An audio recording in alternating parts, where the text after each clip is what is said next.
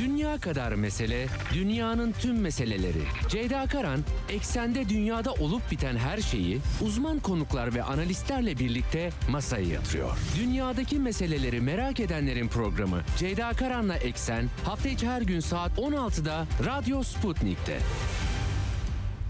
Eksenden merhabalar efendim. Bugün 19 Ocak 2023 günlerden Perşembe. Dünyadan haberlerle karşınızdayız. Gündem yüklü yine Ukrayna sahası Davos Ekonomi Forumu batılı siyasetçiler orada arka arkaya e, Ukrayna'ya destek açıklamaları var. Amerikan yönetiminin de yeni açıklamaları var aktaracağım size. Yarın e, Almanya'da Almanya'daki Amerikan üssünde e, Ramstein üssünde 2. Dünya Savaşı'ndan bu yana Amerikan varlığı var. E, en önemli üslerinden birisi. Burada bir toplantı olacak ve e, Ukrayna'ya e, yeni silah yardımı Zelenski Davos Ekonomi Forumu'na video konferansla hitap etti. Tanklar, e, tüfekler, toplar, ağır silahlar istediği e, Rusya liderliğiyle ilgili yorumları, değerlendirmeleri vardı. Vladimir Putin'in de e, zaferi kaçınılmaz Rusya'nın açıklamaları var. Hepsini aktarmaya çalışacağım. Özellikle de tabii e, Ramstein'daki toplantı sonrası belki daha seri bir biçimde açıklamalar gelecek. Moskova'dan da açıklama geldi. E, bu tarz silahların özellikle Kırım'ın e, hedef alınması Rusya toprağı olarak görüldüğü için 2014'teki darbeden bu yana doğrudan Rusya topraklarının hedef alınmasının tehlikeli sonuçlar doğurabileceği yolunda şimdilik Kremlin'den bir açıklama gelmiş durumda. Ee, Ukrayna e, notları Davos'tan yapılan verilen mesajları Almanya özellikle e, şansölyesinin aktaracağım e, sizlere. Amerika'dan notlar var e, yine Amerikan iç siyaseti ve Çin-Amerika ilişkileriyle ilgili Çin Dışişleri Bakanlığı'ndan da Rusya ile e, daha makul bir e, dünya için stratejik işbirliğini derinleştirme vurgusu yapıldı. Ee, Asya'ya bakacağız bugün programın ikinci yarısında aslında bir haftadır konuşuluyor açıklamalar da geliyor Washington'da toplantılar vardı Japonya Başbakanı Kishida Fumio Kishida gitti. Amerika'ya Biden'la görüştü ve e, özellikle Japonya'nın yeni e, stratejik konsepti eşliğinde tam bir full bir militarizasyon, e, Britanya ile yeni savunma anlaşmaları, Biden'la yapılan açıklamalar özellikle Doğu Asya'yı, Japonya değil belki ama Doğu Asya'yı Asya'nın Ukrayna'sı diye e, geçtiğimiz yıldan beri zaten e, bu vurguları sürekli tekrarlıyor kişi de ama bu sefer tabii yeni militarist dalga eşliğinde e, Batı'ya Çin'e karşı birlik çağrısı yaparak e, kişi de bu işi başka bir boyuta taşıdı. E, Gerçi Amerika-Çin temasları var. Belli dengeler tesis edilmeye çalışılıyor ama öte yandan da bir şekilde Anglo-Amerikan dünyanın Asya'da kendi lehine dengeleri tesis etmeye kararlı olduğu bir manzara var. Hem Japonya liderinin bu işe eklemlenme biçimi hem Amerika'ya bakacağız. Amerikan politikaları kongrede e, temsilciler meclisinde Cumhuriyetçiler de artık çoğunlukta ve bir Çin komitesi de oluşturdular. Bu konuda harici sitesinde Gökün Göçmen'in bir yazısı vardı. Gerçekten çok dikkat çekici. Bugün daha geniş bir perspektiften benim konuğum olacak e, Gökün Göçmen ve e, Japonya'yı da işin içerisine katarak biraz Asya'daki duruma e, bakacağız. Tabii Türk dış politikasında da dün dikkatimizi Washington'a çevirmiştik. Dışişleri Bakanı Mevlüt Çavuşoğlu e, Amerikalı mevkidaşı Anthony Blinken'la görüştü. E, bir araya geldiler. E, girmeden bir açıklamalar oldu. Çıktıktan sonra ortak toplantı yapmadılar. Ayrı ayrı daha doğrusu Çavuşoğlu yaptı. Blinken'dan bir açıklama görmedim. Amerikan kaynaklarında da. E, çok e, pürüzlü konular var. Başta İsveç ve Finlandiya'nın NATO üyelikleri yani yeni genişleme dalgasına Türkiye'nin onayı F-16'lar. Bu kolların birbirleriyle bağlı, bağlantılandırılması, Suriye, Yunanistan. Ee, Çavuşoğlu daha sonra Türk gazeteciler için bir basın toplantısı düzenledi. Mesajlarını ve Amerika'dan gelen mesajları da size e, aktaracağım. Ortak bir açıklamada e, çıkmış durumda. Dün oldu ama tabii bir saat farkı olduğu için akşam saatlerinde geldi. E, bugün de devam ediyor e, Dışişleri Bakanı e, temaslarına. E, bunun dışında e, Latin Amerika'dan, Brezilya'dan da notlar var. Saat vaktim el verdiği e, ölçüde size aktarmaya çalışacağım. Evet ve e, Gökün Göçmen'de biraz küresel düzen, e, Çin'in yeri, Amerika'nın Asya'daki müttefikleriyle beraber e, Şubat ayına Ocak sonu deniliyordu ama Şubat e, başına kalmış durumda. Amerikan Dışişleri Bakanı'nın Pekin ziyareti Çin'de yeniden dış politika e, ekibinin de yenilendiği bir döneme denk geliyor. Dikkat çekici gelişmeleri takip ediyoruz. Gökün Göçmen'le konuşacağız. Başlamadan frekanslarımızı tekrar edelim. İstanbul'dan 97.8, Ankara'dan 96 96.2, İzmir 91, Bursa'dan 101.4 ve Kocaeli'nden 90.2 karasal yayın frekanslarımız bunlar. Bunun dışında Sputnik Türkiye'nin web sitesinde kulaklığı tıklarsanız bizi Türkiye'nin her yerinden dinleyebilirsiniz. E, e, cep telefonu uygulaması aynı şekilde. Telegram hesabı da Radyo Sputnik kanalını e, aramanız ve katılmanız bizi e, dinlemeniz, takip etmeniz için yeterli diyelim. Başlayalım eksere. Dünya kadar mesele, dünyanın tüm meseleleri. Ceyda Karan, eksende dünyada olup biten her şeyi uzman konuklar ve analistlerle birlikte masaya yatırıyor. Dünyadaki meseleleri merak edenlerin programı Ceyda Karan'la Eksen hafta içi her gün saat 16'da Radyo Sputnik'te. Evet Ukrayna sahasında Ukrayna'nın güneydoğusunda doğusunda Rusya Federasyonu'nun e, Soledar'ı alması işte Bahmut Artemovsk hattında ilerlemelerinin e, devam ettiği lojistik arkadan biraz dolanarak lojistik yolları e, tahkim ettikleri yolunda haberler geliyor. Geçtiğimiz hafta sonundan bu yana da e, Ukrayna'nın başına gelenler e, oldukça talihsiz durumlar olmuştu. Dnyeper, Dnepetrovsk e, da bir binanın üzerine e, Rusya'nın aslında askeri e, bir hedefi vurmak için rotasında giden füzesini Ukrayna hava savunmasının engelleyerek bir binaya düşme, düşürmesi. Tabii e, bu konuda Rusya e, suçlandı. Hemen hemen ardından da İçişleri Bakanı e, ve İçişleri Bakanlığı yetkilileri dahil e, yakınlarında düştüğü çocuk parkı ve anaokul dahil çocukların da hayatını yitirdiği bir helikopter kazası meydana gelmişti. Cephe hattında e, durum e, devam ediyor gibi aynı şekilde devam ediyor gibi gö- gözüküyor. E, e, ve e, bu konuda bugün çok fazla notum yok ama son 24 saatte Ugledar'dan tutalım. İşte Kupyansk yönü hem Donetsk daha çok Donetsk bölgesinde yoğunlaşmış durumda. Güneyde aynı şekilde, kuzeyde çeşitli hatlardan Rusya Federasyonu ve müttefik güçlerin harekatlarının devam ettiğini söylemek e, mümkün. Belirli küçük yerleşimlerinde kontrol altına alındığı Doğu, Güneydoğu, Güney hattında hareketlilik olduğu bilgileri e, var e, efendim. E, Rusya Devlet Başkanı Obuhov fabrikasını bu Almazantey şirketi en büyük silah üreticilerinden bir tanesi bunu ziyaret etti. Dün akşam yine yansıyanlar Rusya'nın özel harekattaki e, zaferinin kaçınılmaz olduğunu söyledi. Bu zaferde tabii Rus halkının birliği, e, harekata katılanların katkıları ve kahramanlıkları ve savunma sanayi sektörünün çalışmasının etkili olduğunu söyledi. Herkesten fazla hava savunma sistemi füzesi ürettiklerini söyledi. Yılda e, bir yılda Amerika'dakinden 3 kat fazlasını ürettiklerinde dile getirdi. Savunma sanayi ile ilgili mesajlar verdi. Ayrıca çalışanlarla ilgili zorunlu askerliğin ertelenmesi dahil e, maaşların arttırılması gibi tedbirleri de gündeme taşıdı. Ukrayna'daki Kiev'deki yönetimi ise 2014 darbesi sonrasında anayasayı e, anayasayı ihlal ederek darbe yapan aşırı sağcılar. Bunlar Rusya açısından e, neo-nazi olarak rahatlıkla nitelendirilebilir dedi. Biraz tabii banderizm e, e, e, Rusya'da bu şekilde algılanıyor. Ee, Ukrayna liderliğinin de biz açıkça Stepan Bandera yani Nazilerle işbirliği yapmış banderizmi e, açıkça milli ideolojileri olarak gördüğünü biliyoruz. Kendileri söylüyor zaten.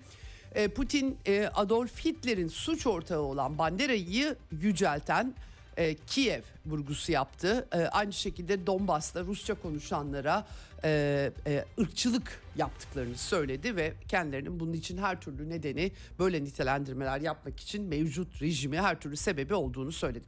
Şimdi bugün Avrupa Parlamentosu'na haber var. Bir e, uluslararası ceza mahkemesi kurulması çağrısı yapıyor Avrupa Parlamentosu. E, 19 karşı oya karşı 33 de e, çekimser kalan var. 427 milletvekili parlamentoda Avrupa Parlamentosu'nda Putin ve Lukashenko Beyaz Rusya lideri niye yargıladıklarını tam olarak çözebilmiş değilim ama e, e, şimdiye kadar e, Amerika'nın BM hukukuna aykırı hiçbir eyleminde milyonlarca insan hayatı yitirmişken böyle şeyler yapmamışlardı. Enteresan tabii ki kendi pozisyonları bu Avrupa Parlamentosu'nun. Aynı zamanda İran'daki devrim muhafızları da terör grubu olarak yani devlet organı bu arada devrim muhafızları artık nükleer anlaşmaymış, arabuluculukmuş filan üstüne soğuk su içmek lazım. E, zaten belliydi böyle olacağı ama e, bir başka e, ülkenin, devletin resmi e, güvenlik kurumunu terör örgütü olarak nitelendirmiş oluyor. Avrupa Parlamentosu bu, bu şekilde yani Batı'nın dışındaysanız da Batı bahçe, Avrupa bahçesinin dışındaki jungle e, bunu e, Joseph Borrell ifade etmişti 2002 senesinde. İran'da NATO'nun eylemlerini ve Batı'nın eylemlerini Ukrayna çalışmasının ana sebebi olarak nitelendirdi Dışişleri Bakanı e, ve ayrıca e, Avrasya Ekonomik Birliği'ne e, birliğiyle serbest ticaret anlaşması memorandum diyelim daha doğrusu e, imza koydular bugün itibariyle. Şimdi ee, Rusya Federasyonu Avrupa Parlamentosu böyle nitelendirdi. Zaten herhalde geleni gördüğü için Moskova e, Putin Duma'ya bir kararname göndermişti. Yasa çıkartıyorlar. Avrupa Konseyi anlaşmalarından Rusya'yı çekiyor. E, dün aktarmıştım size.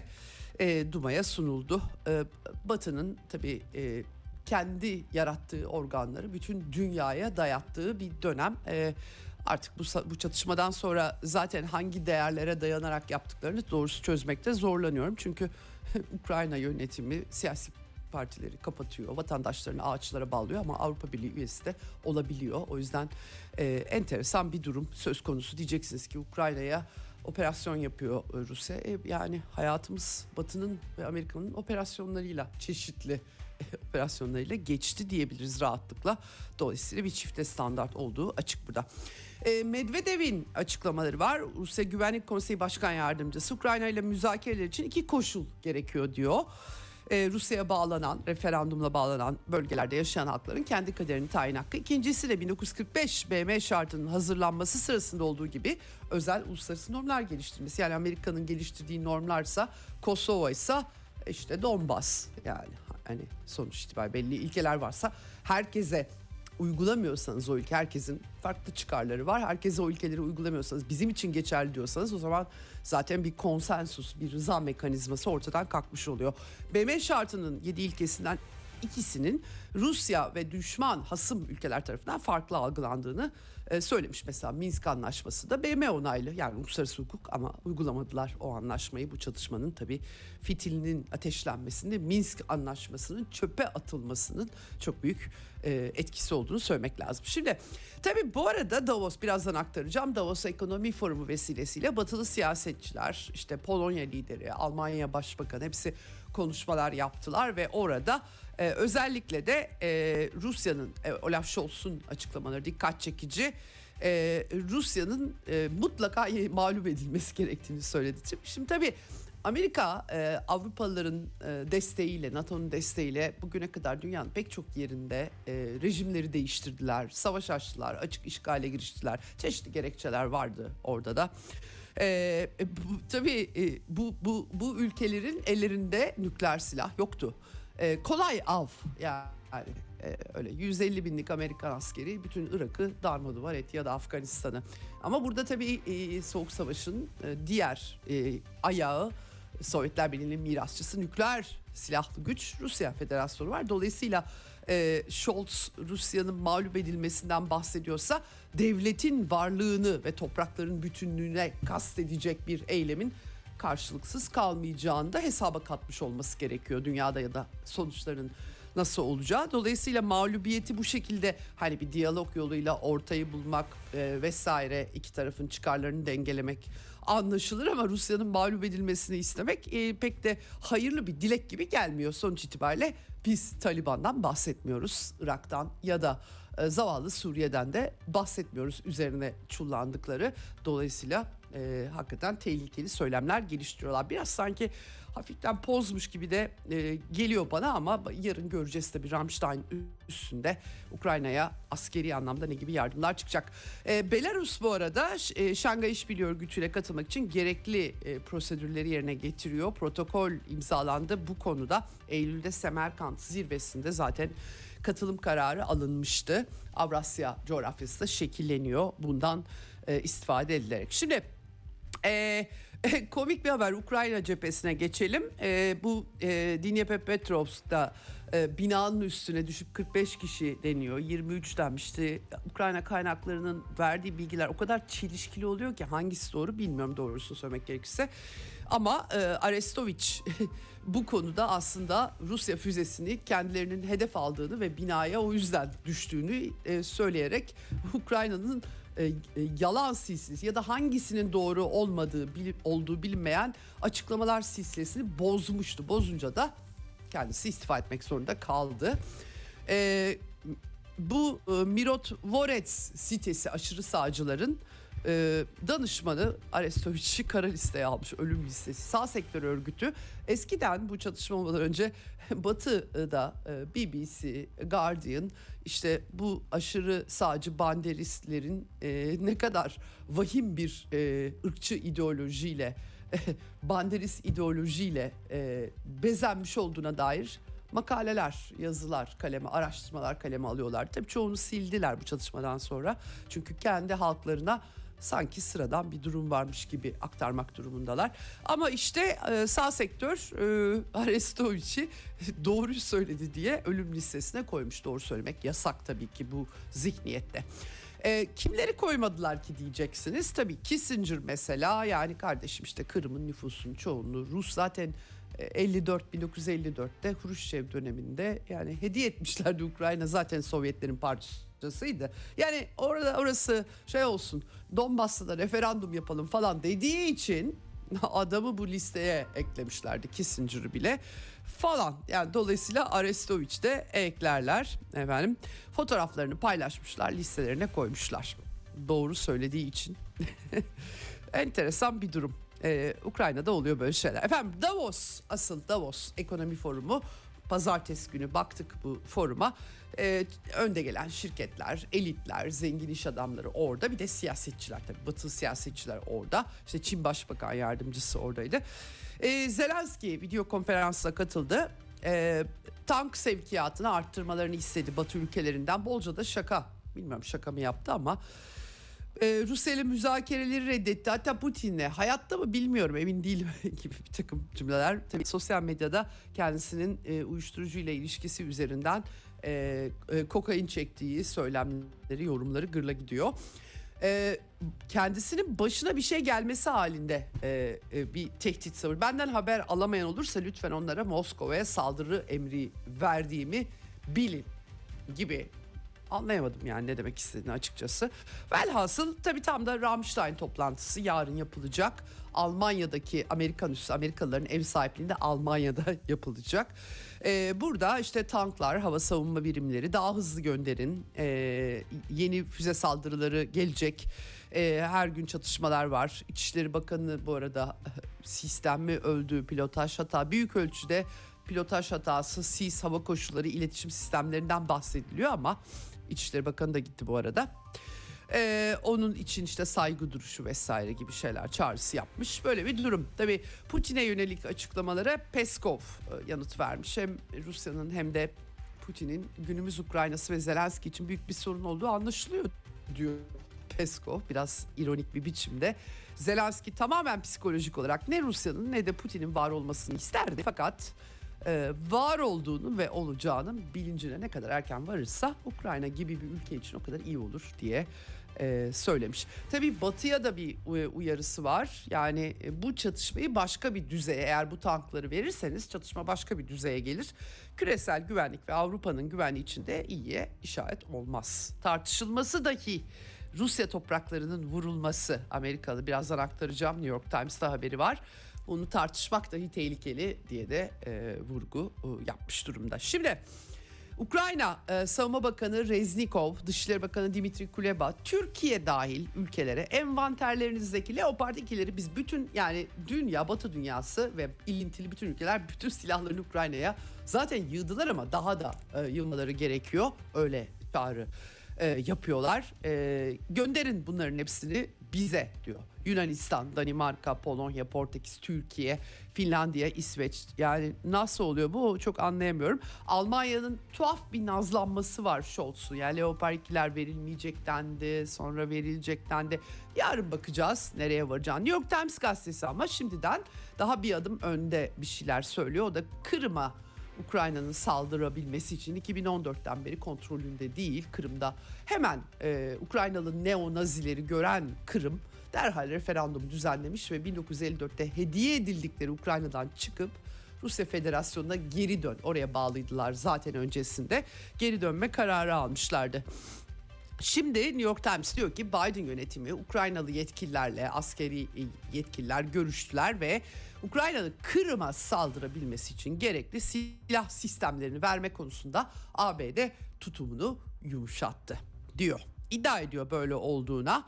Ee, aylarca tartışmalar yapmışlar. Kırım Yarımadası'nın hedef alması için ihtiyaç duyduğu silahlar var tabii ki. Bunları görüşmüşler. Rusya'ya Kırım üzerindeki kontrolünün tehdit edilebileceğini göstermek istiyorlar. Hiç e, akıllıca gelmedi bana doğrusunu söylemek gerekirse. Son tahlilde elinizde gerçekten önemli silah gücü bulunan bir ülke var. Ee, o, o yüzden e, bunun sonucu ne olur bilemiyorum. Gerçi Kırım Köprüsü de hedef olmuştu ve ondan sonra da Ukrayna'da 8 ay boyunca yapılmayan yapılmış ve bütün enerji iletim hatları hedef olmaya başlamıştı. E, New York Times uzunca yazmış ihtiyaç listesiyle ilgili. Henüz de bu arada bu sistemler ellerinde mi tam olarak o da belli değil. E, çünkü stoklarda eksiklikten bahsediyorlardı. E, dediğim gibi e, bir de Kırım'ı hedef tahtasına koyan belki birileri bilerek bu haberi New York Times'a bu şekilde e, koymuştur onu tam bilemiyoruz ama... Mesela e, sağ Boeing yapımı 150 kilometre menzilli küçük çaplı füzeler verilecekmiş Amerikalılar tarafından. E, ama yani işte Kırım'a bunlarla ulaşılabilsin e, diye. E, Fransa e, Leclerc tankları e, göndermeyi planlıyormuş. İşte Ramstein'daki toplantıya bağlı İsveç Archer top, toplarından verecekmiş. Başbakan Ulf, muhafazakar Başbakan Ulf Kristersson açıkladı. E, velhasıl e, bir e, aslında Ukrayna saldırısı hazırlama e, hatta ondan sonra da bir, bir Rusya saldırısı gelebilir diye de çeşitli spekülasyonların yapıldığını belirtebilirim. E, ama tabii Leopard 2 tankları tartışması hala devam ediyor. Wall Street Journal Alman medyasında da var bu. Scholz diyor ki Almanya şansölyesi Amerikalılar Abrams tanklarını verene kadar ki vermiyorlar en azından şimdilik. Bilmiyorum yarın ne çıkacak ama e, onlar verene kadar biz Leopard 2'leri e, vermeyeceğiz diyormuş Scholz. İddiaya göre. Bilmiyorum. Ön koşulu buymuş Scholz'un. Ee, yani e, hakikaten çok tuhaf. Ee, zaten bir Leopard 2 başlığı sıkıntısı var. Almanya'da savunma bakanı da istifa etmek zorunda kaldı. Ee, yerine yeni bakan Boris Pistorius geldi. Konuşmuştuk dün, e, önceki gün bu konuyu. Şimdi e, bir yandan da e, Amerikalı Pentagon yetkilisi e, Savunma Bakan Yardımcısı Colin Kahl e, bu e, yeni bir momentum katmak e, var olan durumu cephede değiştirmek istediklerini söylüyor. Bilmiyorum nasıl değiştirecekler hep beraber e, göreceğiz burada. E, Davos'ta Polonya Cumhurbaşkanı e, e, Andrzej Duda'nın açıklamaları oldu. O da Ukrayna çalışmasının müzakere masasında biteceğini ama yani hangi koşullarda biteceğini henüz belirsiz olduğunu söyledi. E, Zelenski ile görüşmelerini aktardı. NATO'dan e, Vilnius'ta zirve yapılacak e, bahar aylarında yanılmıyorsam. E, tamam Ukrayna NATO üyesi değil. Beşinci madde gerekir o zaman hani NATO'nun savaşa girmesi gerekir ama güvenlik garantileri istiyor diye. Yani benim aklımın almadığı taraf şu. Bildiğiniz Batı Ukrayna üzerinden müthiş bir vekalet savaşı, müthiş bir vekalet savaşı veriyor. Bütün silahlarını yığmış durumda. Eğer Batı silahları olmasa Ukrayna diye bir yer zaten yok öyle söyleyeyim. E, devlet olarak, devlet yapısı olarak söylüyorum. Dolayısıyla yani NATO savaşa girmiş de girmemiş de yani açık savaştan tabii ki bahsediliyor burada ama e, Ukrayna zaten de facto bizzat Reznikov'un e, savunma bakanı dile getirdiği gibi de facto NATO üyesi olarak görüyoruz. Scholz ise E, Ukrayna'da çatışmaların bitebilmesi için Rusya'nın kaybetmesi gerekiyor demiş. Güzel. E, yani nükleer silahlı bir gücün kaybetmesini isterken e, biraz dikkatli olmalısınız diyen bir danışmanı olmamış herhalde kendisine. Kiev bizim desteğimize güvenebilir dedi ama e, Rusya ile NATO arasında doğrudan savaşa dönüşmemesini istememiz de aşikar dedi. Nasıl yapacaklar bu dengeyi kuracaklar tam bilemiyorum. E, Leopard 2'lerle ilgili dikkat çekici açıklamaları aslında Wall Street Journal biraz doğrular gibi hani Amerikalılar Abrams vermeden biz vermeyiz tarzında. DOS ve ortak ülkelerle bu konuda işbirliği yapıyoruz. Tank verilmesi sorulunca tek başımıza bir şey yapmıyoruz. Tüm kararlar başta ABD olmak üzere bu meselede önemli rol oynayan müttefiklerle koordinasyon içinde alınıyor demiş. Böyle ortalama bir şey söylemiş. Bakalım neler çıkacak buradan. Yeni Almanya Savunma Bakanı Boris e, Pistorius bu arada yemin ederek görevine başladı. Ee, e, Yücel Özdemir'le konuşmuştuk salı günü bu konuyu. Cumhurbaşkanı Steinmeier'dan mazbatasını aldı. İşte soğukkanlılık, güçlü e, sinirler, liderliğe sahip olmak falan. Kadın bakan e, Christine Lambrecht'in başını yemiş gözüküyorlar. 62 yaşında Pistorius aşağı Saksonya'dan e, aynı zamanda. E, ve e, ilk e, açıklamalarında e, Tanrı bana yardım etsin ifadesini yemin ederken kullandıkları ifadeyi de kullanmamış sosyal demokrat e, siyasetçi. İlk görüşmesini bugün e, Amerikan Dış Savunma Bakanı e, Lloyd Austin'le yapıyor. Zaten yarın da Ramstein'da e, Almanya topraklarındaki Amerikan üssünde Alman Savunma Bakanı Amerikalıların misafiri olacak efendim. Evet şimdi e, başka buradan notlar Avrupa'dan e, hemşireler yine greve gidiyorlar.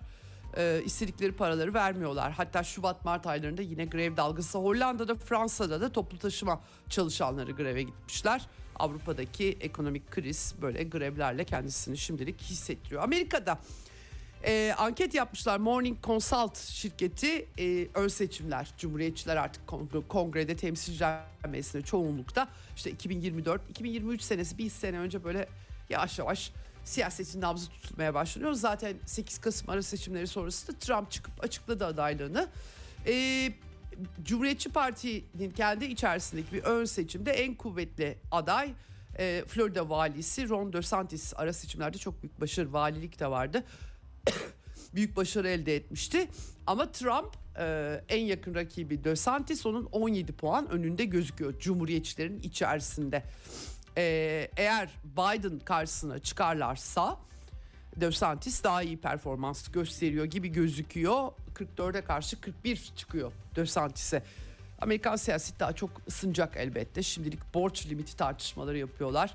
Amerikan hükümeti kapanıyor sonra önlem alıyorlar açılıyor. Aynı e, hikayeler devam ediyor bu konuda. Amerikan Hazine Bakanı e, Janet Yellen bu arada Zürih'te Çin Başbakan Yardımcısı Davos Ekonomi Forumu'na da katılmıştı. E, onunla Liu He ile görüştü. Çok da iyi geçmiş gibi gözüküyor. Daha çok makroekonomik durum, finansal konular ele alınmış ilk yüz yüze görüşmeleri. Bu arada Fed Başkanı Colin Powell da Jerome pardon Colin Powell diyorum. Jerome Powell da Covid-19'a yakalanmış hafif belirti gösteriyorum. Tam da aşılıymış bu arada. Ee, Çin'le böyle bir mali açıdan buluşma ki Şubat başında Anthony Blinken gidecek Pekin'e. Bugün Çin Dışişleri Bakanlığı'ndan e, e, açıklamalar var. Çin'de de bahar bayramı başlıyor. Ee, yanılmıyorsam 22'sinde büyük bir hareketlilik olacak işte Covid-19 tartışmaları falan var. Ee, hatta e, e, yeni Dışişleri Bakanı da e, pardon Dışişleri Bakanlığı e, Çin Gang artık Dışişleri Bakanı Çin'de. Wang Yi daha önce Dışişleri Bakanıydı. O bir üst kademeye çıktı yine dışişlerinden sonra. O Almanya ve Brüksel'i ziyaret edecek. Böyle bir Avrupa'ya doğru bir Çin çıkartması görüyoruz.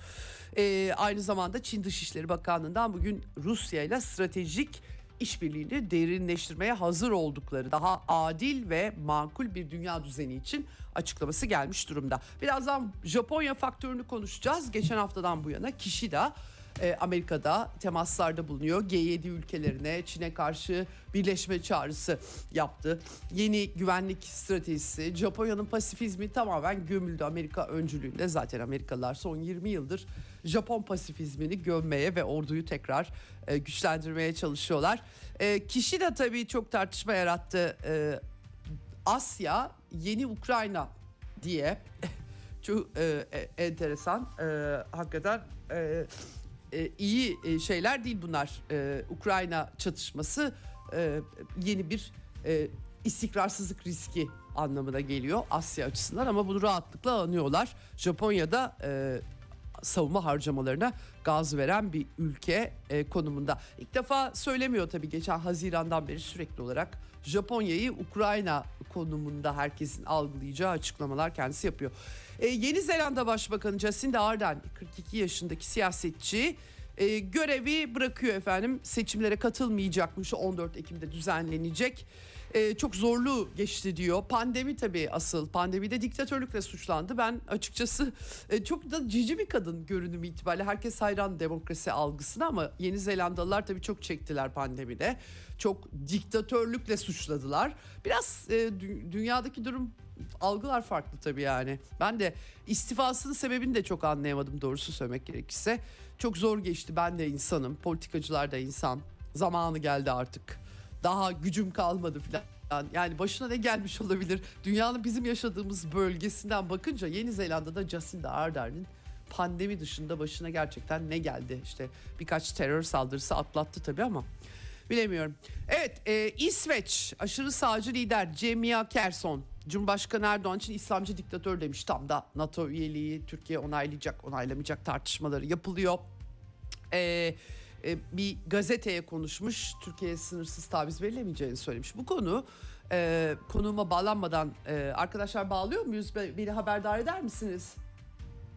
Ha tamam Ha, e, a, peki E, bu, buna daha sonra o zaman geçeyim konuğum hazırmış telefon hattının diğer ucunda Gökün e, hoş geldiniz yayınıma yayınıma E, kusura bakmayın e, telefon hattınızda olduğunuzu fark edemedim. Olsun ne demek. E, Çok İyi yayınlar diliyorum tüm dinleyenlere. Çok teşekkürler. Şimdi e, Çavuşoğlu Blinken görüşmesine programın sonunda notları e, aktaracağım. Hemen Asya'dan hazır bahsederken e, hemen e, seni almak istedim. Çünkü gerçekten geçen haftadan beri bir gözüm orada. Pek çok gelişme oluyor. Aktarmaya çalıştım kısmen. E, fakat tabii e, pek çok e, Davos başladı. Gündem, dünya gündemi de yüklüydü. Ee, Japonya birdenbire Japonya lideri e, aslında geçtiğimiz seneden e, bu yana oldukça Japonya hareketliydi ama önce oradan başlayayım.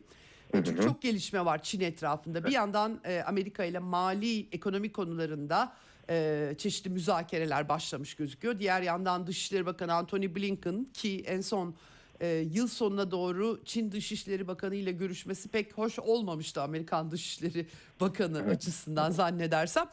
Ee, yılın ilk haftasında da konuşmuştuk aslında biraz Rusya-Çin ilişkileri bağlamında. Tam da böyle Amerika ile bir ısınma hali varken Japonya denkleme girdi. Ee, Amerika ile yine e, savunma e, alanında yakınlaşma. E, Britanya ile İngiliz askerlerine e, Japonya topraklarını açacak şekilde anlaşma. Ne oluyor? Japonya böyle biraz daha 2023'te bir odak olarak e, bir de Çin'e karşı birleşme çağrısı yapıyor açıkça Kişida. Hatta Ukrayna benzetmeleri yapıyor Asya için. E, nereden çıktı bu retorik bir şimdi e, yeniden ısıtılıyor? E, ne dersin? Evet aslında Japon siyasetinde uzunca bir zamandan beri hatta merhum e, Shinzo Abe döneminden beri e, Japonya pasifist anayasasını değiştirmek istiyor. Yani ülkeyi bir anlamda militarize etmek istiyor. Pasifist anayasa uyarınca Japonya bir başka ülkeye saldıracak e, silahlardan kendisini men ediyordu. E, Ancak e, artık Asya Pasifik'te e, bilek güreşi yoğunlaştıkça Japonya'da Amerika Birleşik Devletleri'nin teşvikiyle yeniden militarize ediliyor. Abe'nin ardından iktidara gelen kişi de da zaten e, Abe'nin vites arttırmış e, versiyonu olarak rahatlıkla tanımlanabilir. Evet. E, uzunca bir e, süredir de bu pasifist anayasayı değiştirme peşinde. Biden'la yaptığı zirvede e, bunun zirvesi oldu. Aslında bu politikanın zirveye ulaşmış hali oldu e, görüşmeler neticesinde. Japonya G7'ye e, ev sahipliği yapacak. Bunun için bir hazırlık turu gibi e, ülkeleri ziyaret etti kişide ama tabii bunun perde arkasında Çin'e karşı bir birleşik cephe oluşturma e, isteği vardı. E, Biden yönetimi bunu da teşvik ediyor. E, ilk olarak aslında biraz daha geriye gidelim istiyorum ben. Nereden e, bu süreç başladı Kişi'den Evet. birlikte? 22 Haziran'da NATO zirvesine katılmıştı Kişi'den. Dört ülke çağrılmıştı Madrid e, zirvesine anımsayacak olursanız. Hı hı. Bunlardan bir tanesi de Japonya'ydı. O malum e, Doğu Asya'da bir Tayvan, e, Doğu Asya'da bir Ukrayna olabilir benzetmesini de ilk burada yapmıştı. Evet. Ee, yine benzer şekilde Shangri-La güvenlik e, toplantısında da benzer cümleleri kurmuştu ama en keskin net ifadeler NATO zirvesinde yankılandı. Ee, ve ardı ardına ziyaretler gerçekleştirildi. Bu 11 Ocak'taki e, zirveyle birlikte de karara bağlanmış oldu. Şimdi Japonya ne yapacak? Japonya Çin'e karşı 5 yıl boyunca askeri harcamalarını iki katına çıkartacak. Ceyda Hanım bunun anlamı şu. Japonya e, önümüzdeki yıllarda, önümüzdeki 5 yılın sonunda Amerika Birleşik Devletleri ve Çin'den sonra dünyadaki en büyük savunma e, bütçesine sahip ülke olacak. Zaten hala hazırda Stockholm Uluslararası Barış Anlaşmaları Enstitüsü'ne göre Japonya 2021'de 50 milyar doların üzerinde güvenlik harcaması yaptı.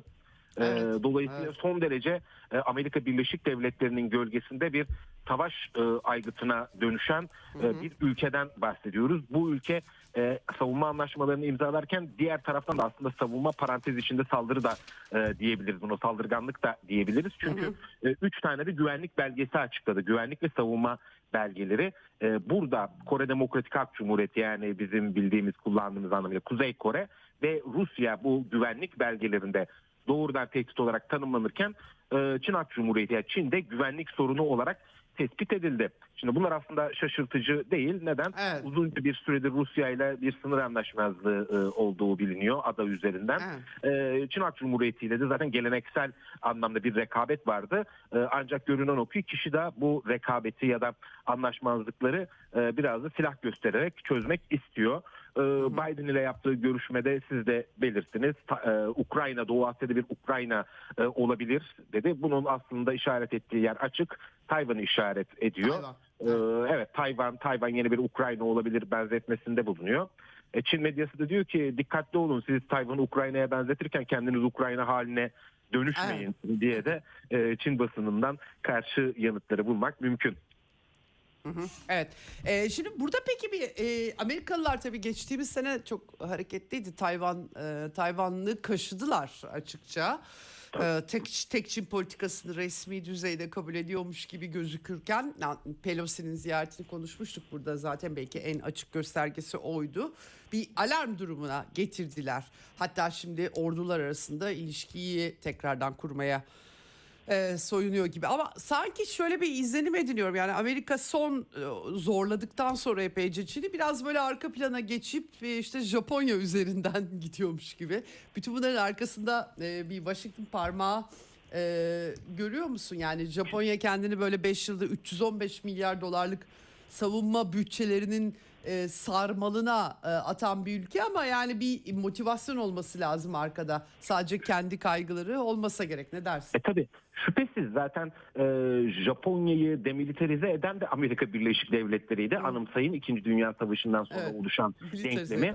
Almanya ve Japonya örneğini anımsayın. Bu iki ülkede Amerika Birleşik Devletleri tarafından demilitarize edildi. Şimdi çok enteresan biçimde işte Rusya'nın Ukrayna'ya harekatı ve e, Asya Pasifik'teki gerilim neticesinde bu iki ülkeyi e, tekrar güvenlik harcamaları noktasında teşvik ediyor saldırganlaştırmaya çalışıyor. Dolayısıyla yani Amerika Birleşik Devletleri'ne taklayarak, gizleyerek e, bir resmi tamamıyla görmemiz mümkün değil. Amerika Birleşik Devletleri açık bir biçimde e, Çin'i kuşatmak istediğini söylüyor. Bir rekabetten bahsediyor. Biraz sonra değiniriz. Yeni temsilciler Evet. meclis başkanı, cumhuriyetçi e, McCarthy e, diyor ki biz soğuk savaşın ortasındayız. E, dolayısıyla soğuk savaşın ortasında olmak ne demek?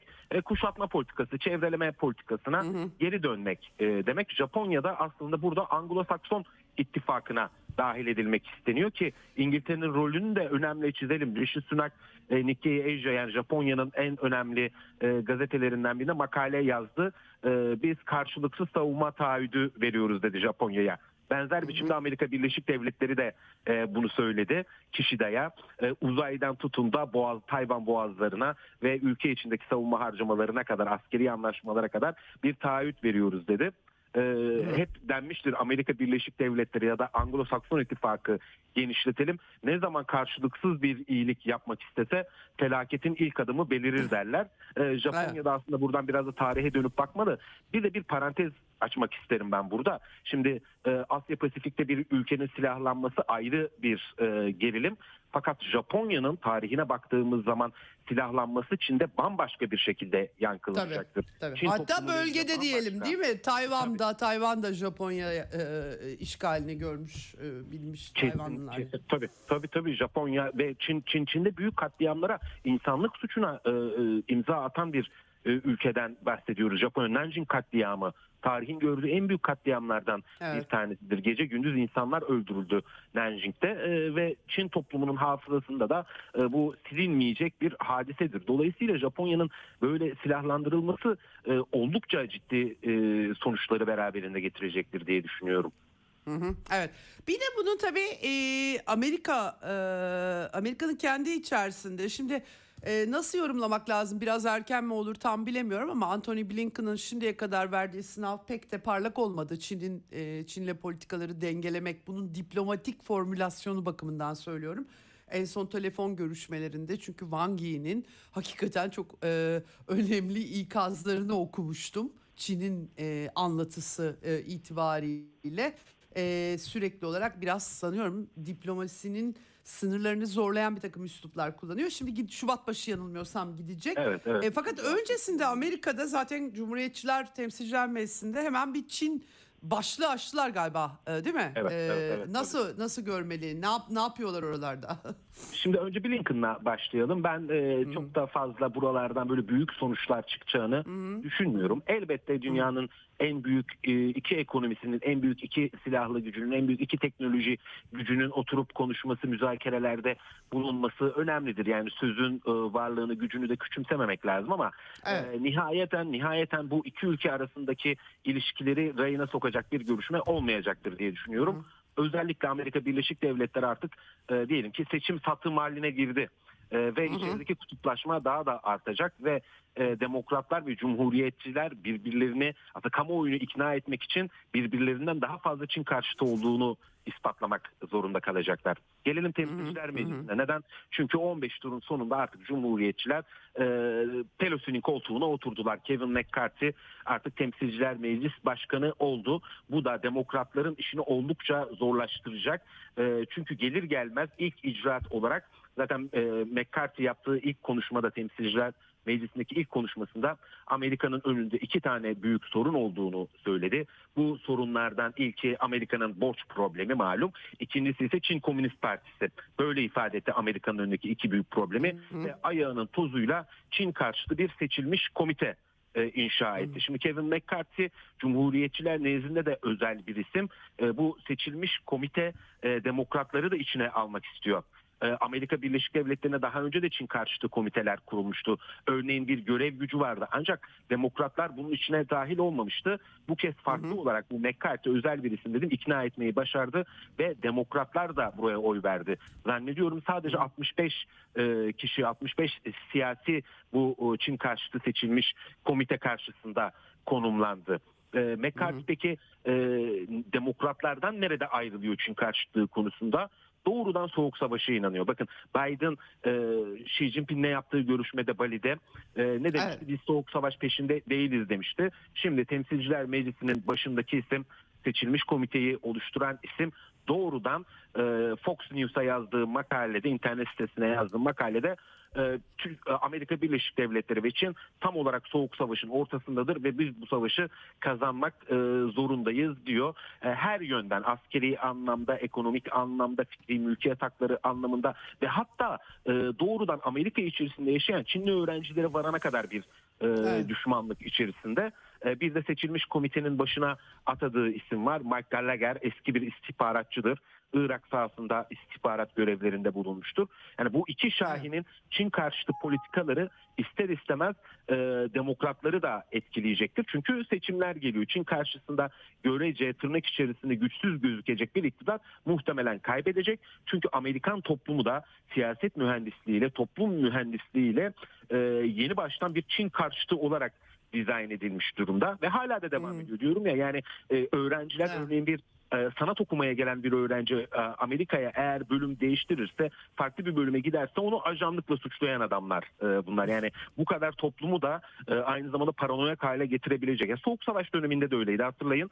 E, çok tarihin bir ironisi mi diyelim. E, tekrar McCarthy, cadı avı, komünizme karşı cadı avları dinleyicilerimizi anımsar. Tekrar böyle bir toplum e, dizayn edilmek isteniyor. Dolayısıyla Blinken oraya gittiği zaman elbette e, diyaloğa vurgu yapılacaktır. E, bir müzakere masası kurulacaktır ama benim şahsi görüşüm şu ki Amerika Birleşik Devletleri içerisinde e, Çin karşıtlığı daha da e, vites yükseltecek. E, büyük ihtimalle de e, Çin de bu bizim konuştuğumuz, bizim yaptığımız e, tespitler üzerinde çalışıyordur. Bizim gördüğümüz daha detaylı olarak bence analiz ediyordur diye düşünüyorum. Evet. Çok teşekkür ediyorum e, Gökün Göçmen değerlendirme için. Bize takip etmeye devam edeceğiz. Japonya'ya da özel önem vermekte fayda var. Hakikaten çok ciddi bir e, militarizasyon sürecine girdiği anlaşılıyor. E, Japonya'nın e, yani e, eski Japonya'dan hareketle düşünmek çok mümkün olmayacak herhalde bundan sonraki süreçte. Kesinlikle, kesinlikle öyle. Evet. E, iyi Çok yayınlar teşekkür- diliyorum size. Çok teşekkürler. Sağ olun. Evet, e, şimdi Kişida'nın temaslarını, çağrılarını atlayıp atlamak. Hakikaten çok dikkat çekici. Biraz e, Amerika'nın, Amerikan kanadında e, işte e, Blinken'ın ziyareti bekleniyor vesaire. Ton düşmüş gibi gözükse de aslında e, Britanya'nın yaptığı savunma anlaşmasıyla birlikte e, Kişida üzerinden bir böyle Asya cephesi de e, kaynatılmaya devam ediyor. E, izlenimi edinmemek bütün bunlardan çok mümkün e, değil açıkçası. Hem Türk dış politikasından kalan başlıklarla e, devam edeyim. Dün e, bitireyim daha doğrusu tamamlayayım. Dün e, akşam saatlerinde Türkiye saatiyle e, Türkiye, Amerika, ABD stratejik mekanizması ikinci bakanlar toplantısı yapıldı Washington'da. Dışişleri Bakanı Çavuşoğlu Anthony Blinken'la bir araya geldi. Ee, özellikle işte kısa bir açıklama, e, daha çok ikili müttefiklik e, vurguları, F-16 talebi, e, İsveç Finlandiya'nın NATO üyeliğine yani NATO'nun genişlemesine Türkiye'nin onayı e, bu konuda e, mesajlar verildi. İkili ticaret vesaire tabi Suriye'de önemliydi. Blinken girişte toplantıya girişte çok fazla konuşmuş gözükmüyor. Tahıl koridoru yüzünden teşekkür etti Ukrayna'da aldığı tavır. E, işbirliği derinleştirmek işbirliğini e, gibi vurgular yaptı sadece. Sa- Amerikan Dışişleri bu arada bir F-16 satışında yani yetkili kongredir diye ki Biden yönetimi olumlu görüşte bildirmiş durumda ama tabii bu biraz dönüp dolaşıp İsveç ve Finlandiya'nın üyeliğiyle herkes bağlantılandırıyor kaçırılmaz olarak. E, çıkışta ortak basın toplantısı yapmadı Amerikan ve e, Türk Dışişleri Bakanları ama Çavuşoğlu Türk basın e, mensuplarıyla bir e, ayrıca basın toplantısı yaptı. İkili pek çok konuyu aldık. Stratejik mekanizma toplantıları kurumsallaştırılacak. Yılda iki kez toplanacak dedi. E, F-16'ları konuştuk dedi. E, Finlandiya ve İsveç'le bağlantılı değil bu dedi. E, öyle gösterilmemesi gerekiyor dedi. Ya herkesin aklına düşen e, düşeni yok e, diyor. Ama diyor öte yandan tabii e, şu da açık kendisi söylüyor. Finlandiya ve İsveç'in üyelik sürecinin hızlandırılmasının kongre üzerinde e, doğrudan bağlan olmasa bile olumlu etki olacağını herkes söylüyor zaten. Yani kendisi aslında bağlantılı değil diyor ama bağlantılandırıyor. Yani e, çünkü Amerika'nın koşul e, öne sürdüğünü yazmıştı Bloomberg. E, biz düşüncemizi anlatıyoruz kongreye de anlatacağız dedi. Eğer Amerikan Biden yönetimi kararlı durursa kongreyi ikna eder görüşünde Çavuşoğlu. E, olumlu bir atmosfer var dedi. Suriye konusunda ise biraz Amerika'dan şikayetçi oldu. E, yeni bir çalışma başlatma e, önerisi yapmış Amerikan tarafı. Yani Amerika pek bu siyasi süreçte de ilgilenmiyor. Hani bizi böyle bıraktı buralarda mecburen bir takım işlere girişiyoruz gibisinden ben açıkçası e, okudum e, açıklamalarını. Tekrardan Amerika nasıl odaklanmasın? E, geçen gün Çin Dışişleri Bakanlığı açıkladı. Suriye'nin tahılı ve petrolünü bir güzel e, çalıyor Amerikalılar. Gayet odaklanmış durumdalar ama yani e, herhalde Çavuşoğlu'nun bu neredeyse 12 senelik Suriye savaşını harlayan Amerika'yı mı görmek istiyor sorusu çıkıyor söylediklerinden. Yunanistan konusunda da daha dengeli tekrar dengeli yani biraz Yunanlıları kayırdınız hani bir- birazcık dengeleyin şu işleri mesajı veriyor. F-16, F-35 hadi Türkiye'ye F-16 verilirse Yunanistan'a da F-35 verecek Amerika gibi söylentiler çıkmıştı. Biz karşı değiliz biz öyle engelleme politikaları falan gütmüyoruz demiş Çavuşoğlu. Ee, ardından tabii Amerikan Dışişleri Sözcüsü de açıklama yaptı. Blinken yapmasa bile Türkiye'nin yine aynı şeyler tekrarlanıyor. Yapıcı ilişki var. A- acil konularda önemli roller oynuyor. İşte tahıldı, yok efendim esir takasıydı, şuydu buydu. Türkiye'nin güvenliğine yönelik tehditler var. Biliyoruz biz bunları e, diyerek onları tekrarladı. Yapıcı bir NATO üyesi ves- vesaire dedi ama yani e, burada kalmış gözüküyor. Bir ortak e, basın açıklaması var. Orada da e, F- F- F-15'ler e, Türkiye ABD savunma ortaklığının güçlendirilmesi ele alındı deniliyor. Türkiye'nin çünkü tezi şey Türkiye'ye bunları vermek ya da e, güncellemek elindekileri NATO'yu güçlendirecek şeklinde o vurgular var. E, Ukrayna konusunda Rusya'nın tutumuna eleştiri var ortak bildiride. Egemenlik ve toprak bütünlüğüne verdiği açık desteğin altını çizmişler. Yani Amerika biliyorsunuz herhangi bir ülkenin egemenliğine kastedebilir ama Amerika dışında kimse e, ondan sonra da ülkelerin toprak bütünlüğü ve egemenliğinden bahsedebilir. E, elbette böyle de enteresan bir e, durum var. E, Güney Kafkasya, Finlandiya, Türkiye'nin e, işte e, üçlü görüşmeleri Finlandiya ve İsveç'le. Bunlara atıf yapan e, Suriye krizinde de e, genel geçer cümleler hiçbir şey yok ortak açıklamada doğrusunu söylemek gerekirse ama e, Beyaz Saray'ın açıklaması da net. Türkiye'nin güvenilir bir müttefik görüldüğü ve İsveç ve Finlandiya'nın üyeliklerini onaylayacağını e, umduklarını e, belirtmişler. Yani bizim dediğimizi yapın daha fazla NATO'nun genişlemesini engellemeyin engellerseniz 3 nokta şeklinde rahatlıkla okunabilir efendim. E, Böyle bir çerçeve var. Çavuşoğlu'nun temasları devam ediyor. Houston'a gidecek Amerika temasları bu şekilde efendim. Evet e, yarın için bir müsaadenizi isteyeceğim. Bir sağlık e, ayağımı kırmıştım geçen sene. Onun düzeltilmesiyle ilgili bir küçük bir operasyonum olacak. Ama pazartesi günü burada olacağım. Eksende olacağım. Dünyada anlatılmayanları anlatmaya çalışacağız. Yine e, pazartesi e, görüşünceye kadar hoşçakalın. Ceyda Karan'la Eksen sona erdi. Dünya kadar mesele, dünyanın tüm meseleleri. Ceyda Karan, Eksen'de dünyada olup biten her şeyi uzman konuklar ve analistlerle birlikte masaya yatırıyor. Dünyadaki meseleleri merak edenlerin programı Ceyda Karan'la Eksen hafta içi her gün saat 16'da Radyo Sputnik'te.